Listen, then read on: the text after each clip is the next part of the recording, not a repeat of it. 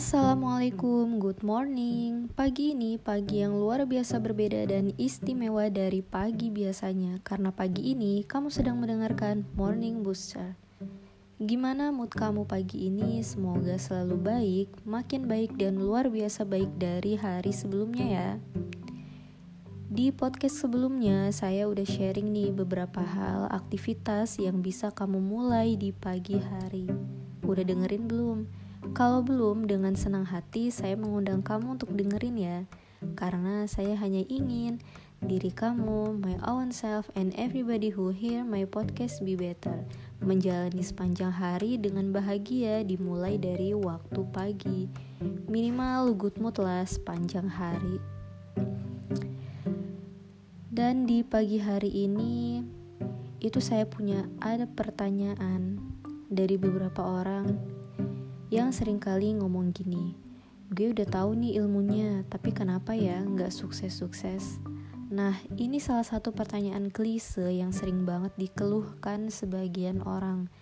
Mungkin termasuk saya. Cuma jarang banget mau diakui, ya mungkin karena malu ya.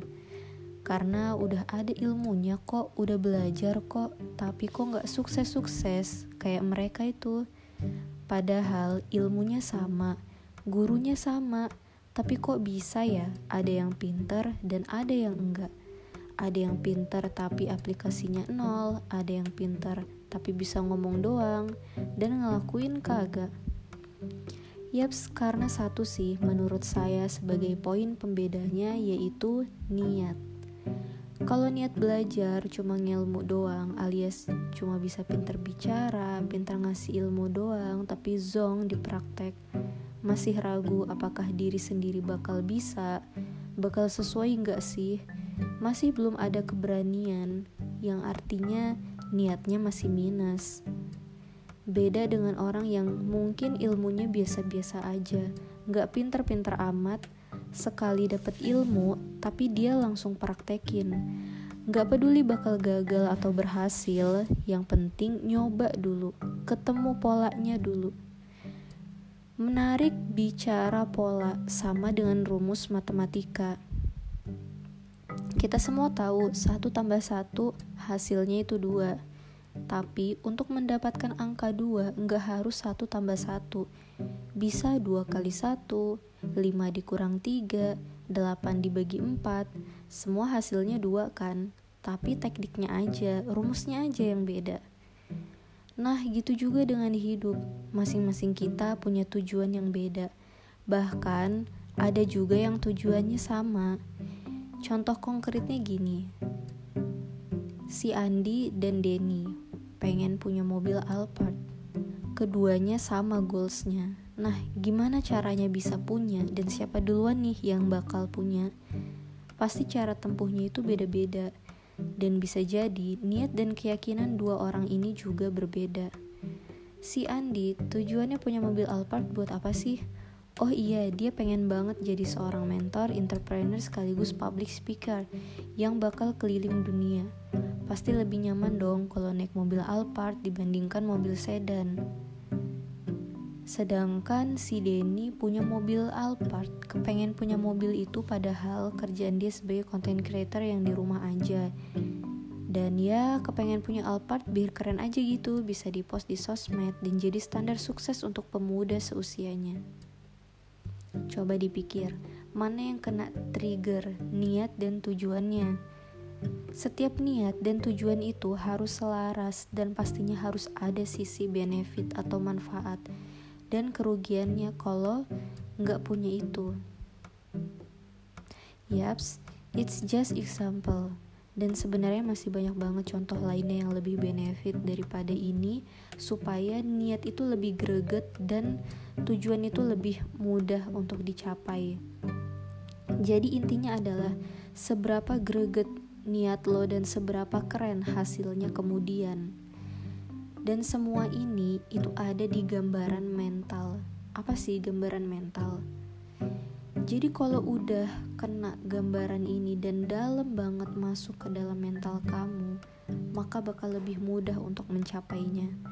Karena sejatinya, siapa diri kamu adalah seperti siapa kamu bercermin.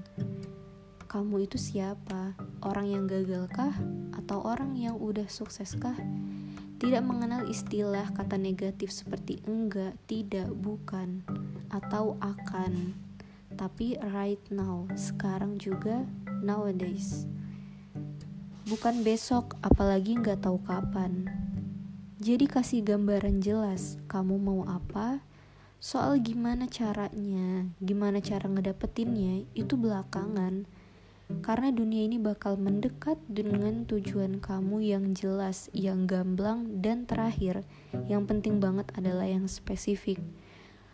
Kalau misalkan kamu pengen rumah, pengen rumah tipe berapa, di daerah mana, kira-kira kisaran harganya berapa, gitu. Kalau bisa pun, kamu buat desainnya itu yang sesuai itu apa? Apakah kamu pengen bangun dari nol atau kamu pengen punya rumahnya langsung.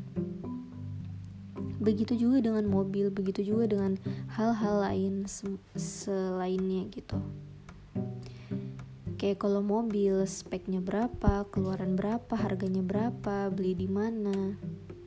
Jadi sebegitu spesifiknya ketika kamu punya tujuan. Bahkan lebih baik lagi, kamu coba ke showroom jika kamu pengen punya mobil impian dan nyobain mobil itu atau minimal pegang.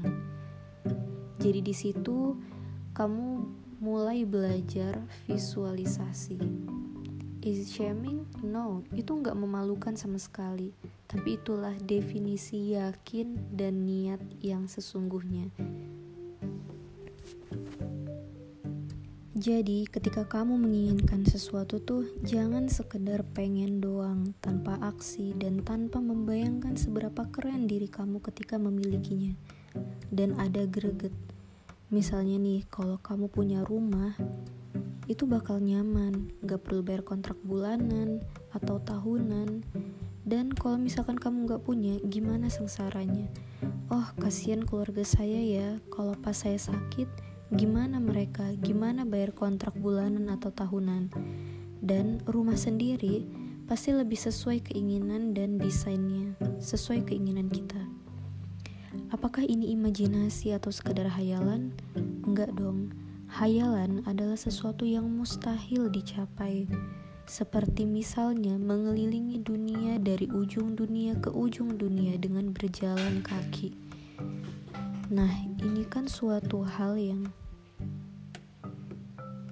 mustahil ya untuk dilakukan dan kalau dilakukan pun mungkin gak mencapai usia kita. Tapi kalau goals adalah sesuatu yang mungkin dicapai, masih masuk di logika, bahkan jadi presiden pun ya mungkin aja dicapai, gak ada yang mustahil. Tapi misal kamu mau menelusuri dunia atau dimensi lain, nah itu yang gak masuk di akal. Jadi kebayangkan, dan kamu bisa tulis seberapa keren impian kamu, gimana benefitnya, dan gimana kalau nggak dapet sengsaranya. Temukan trigger point yang kena di hati dan pikiran kamu. Bisa juga dari pengalaman kamu yang mungkin pernah dibully orang karena misal masih nganggur. Take connection bukan mukulin atau balik ngehujat orangnya ya. Gak perlu marah, tapi jadikan itu alasan untuk kamu ke depannya sukses dan berkembang jadi pribadi yang lebih baik lagi.